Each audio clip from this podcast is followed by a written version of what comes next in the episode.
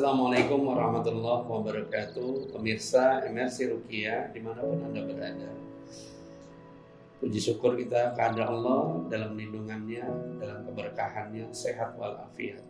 Salam dan salawat kita panjatkan kepada baginda Nabi Muhammad Sallallahu Alaihi Wasallam beserta keluarga dan para sahabatnya.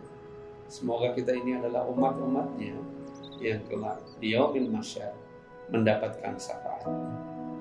Pemirsa, kita diwajibkan oleh Allah Subhanahu wa taala untuk melaksanakan ibadah sholat. Karena sholat itu adalah ibadah yang pertama kali akan ditanya di alam kubur. Ya. Namun ibadah kita sholat ini kadang-kadang tidak sempurna. Ya, ada yang kita sholatnya lupa rokaat, ya. Kadang kita sholatnya pikiran kita ke mana-mana gitu ya. Atau ada sholat yang kita rasakan kita hanya menggugurkan kewajiban. Kalau orang bilang tuh store muka saja. Maka ada enam ya kriteria orang yang sholatnya bersama syaitan.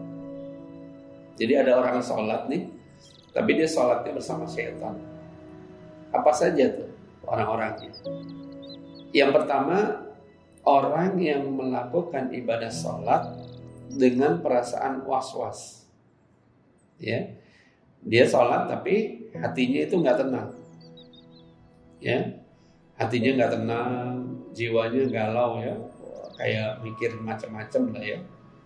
Maka sholatnya dijamin itu diganggu oleh setan setan itu takut gak sama orang yang sholat enggak buktinya dia kita sholat itu sampai lupa rokaat lupa bacaan kadang ada lupa ruku ya maka dikategorikan sholat bersama setan.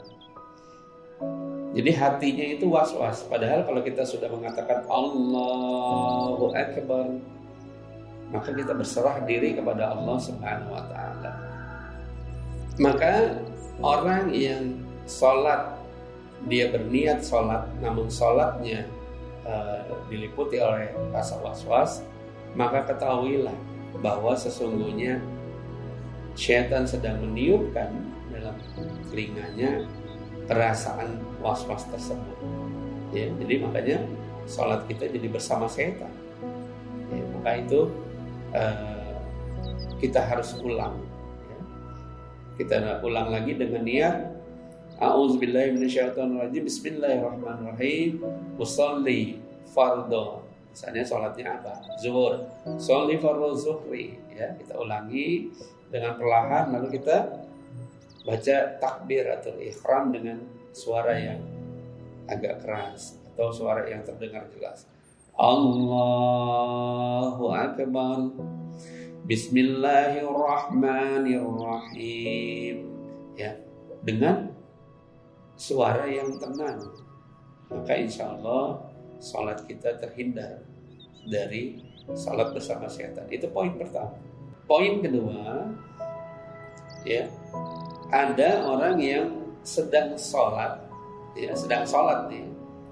Tiba-tiba ketika lagi sholat, lagi bacaan Alhamdulillahi Rabbil Alamin Ar-Rahmanir Rahim Oh iya Kunci tadi di lemari.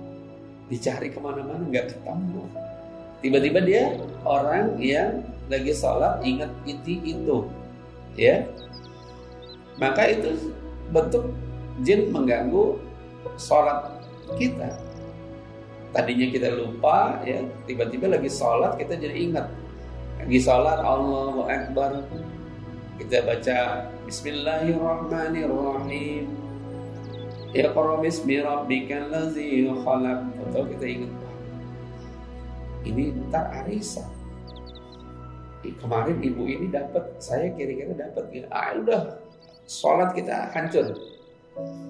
Ya, sholat kita sudah tidak karena Allah Subhanahu Wa Taala, tapi setan sudah mengganggu itu. Maka orang yang sholatnya mengingat ini itu, ya, maka dijamin dia sholat bersama setan. Kenapa sholatnya tidak khusyuk? Ya, nanti ada bab khusus tuh. Bagaimana kita sholat supaya khusyuk. Itu poin kedua. Jadi orang yang sholat ketika dia sholat mengingat ini itu maka orang itu termasuk sholat bersama syaitan. Lalu yang ketiga seperti apa? Lalu yang ketiga adalah orang yang ketika sholat ya. Dia ragu terhadap buang angin. Ya. Jadi ada orang yang di sholat nih ya. Ketika sholat dia merasa bahwa dia udah batal karena dia kentut ya atau buang angin Ya orang yang ragu-ragu ini, orang-orang yang ragu dalam sholatnya apakah dia batal atau enggak, maka dia disebutkan juga sholat bersama syaitan. Maka ada hadisnya tuh, hadis diriwayatkan oleh Imam Ahmad. Kata Rasulullah SAW, ya, kata Rasulullah SAW dikatakan begini, jika ada orang yang merasa merasakan ya ya merasakan e, kentut gitu atau buang angin gitu ya. Maka janganlah kalian membatalkan sholatnya.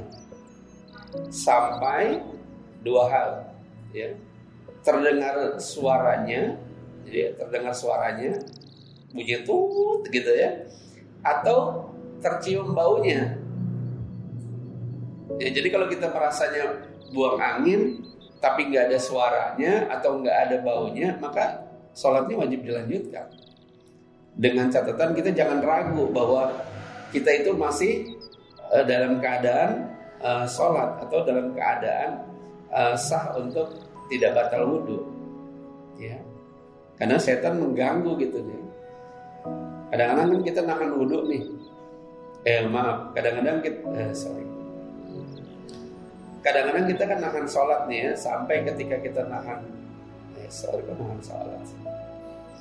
Kadang-kadang kita kan lagi sholat nih, terus kita nahan buang angin, nahan kentut nih ya. Tapi kentutnya nggak keluar, perut kita kan suka bunyi nguk gitu ya. Nah maka itu tidak membatalkan sholat. Teruskan saja sholatnya. Ya, kecuali ya kata Rasulullah dalam hadisnya tadi, kecuali itu berbunyi gitu ya, berbunyi dan tercium baunya, maka batal, wudhu ulang gitu. Lalu yang berikutnya seperti apa? Lalu yang berikutnya adalah orang yang ketika sholat dia tidak fokus terhadap sholatnya.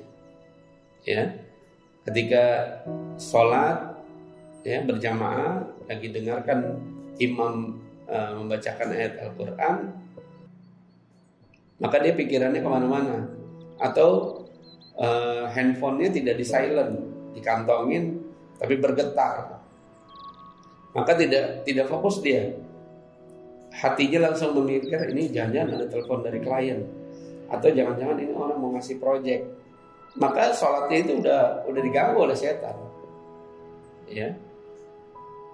Makanya Rasulullah SAW mengatakan uh, salah satu ya curian dari uh, setan kepada manusia dalam sholatnya adalah adalah ketika dia menengok ya atau dia menengok ke sesuatu.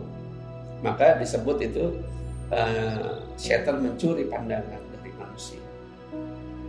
Maka jangan sampai ketika kita sholat ya pikiran kita ke mana-mana mata kita ke mana-mana mata kita tuh tertuju kepada uh, posisi uh, sajadah atau menunduk ke bawah maka posisinya tidak boleh ke mana-mana ya. Posisinya adalah tertuju ke tempat sujud atau menunduk ke bawah.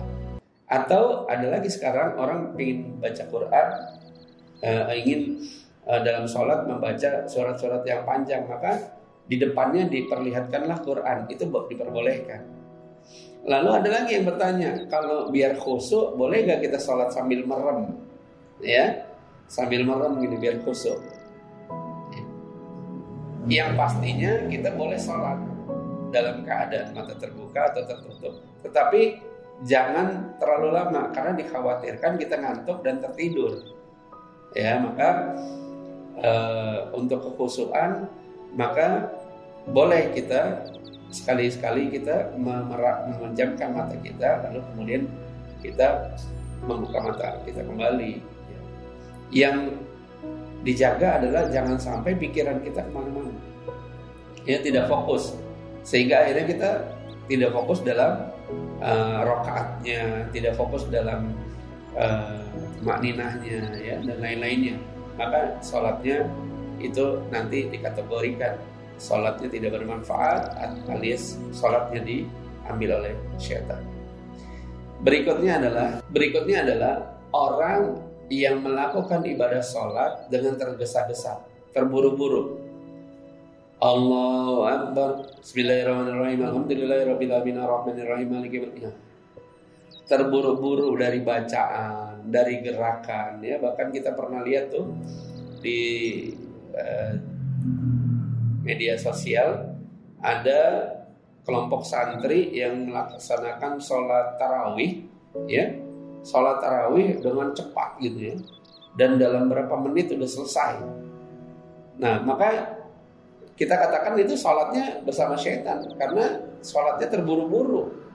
Padahal kalau kita uh, lihat uh, tayangannya di televisi bagaimana di Masjidil Haram ya orang imamnya membacakan ayat Al-Quran dalam setiap rakaat itu lama. Maka para sahabat ketika sholat bersama Rasulullah itu bacaannya panjang-panjang dan lama sholatnya.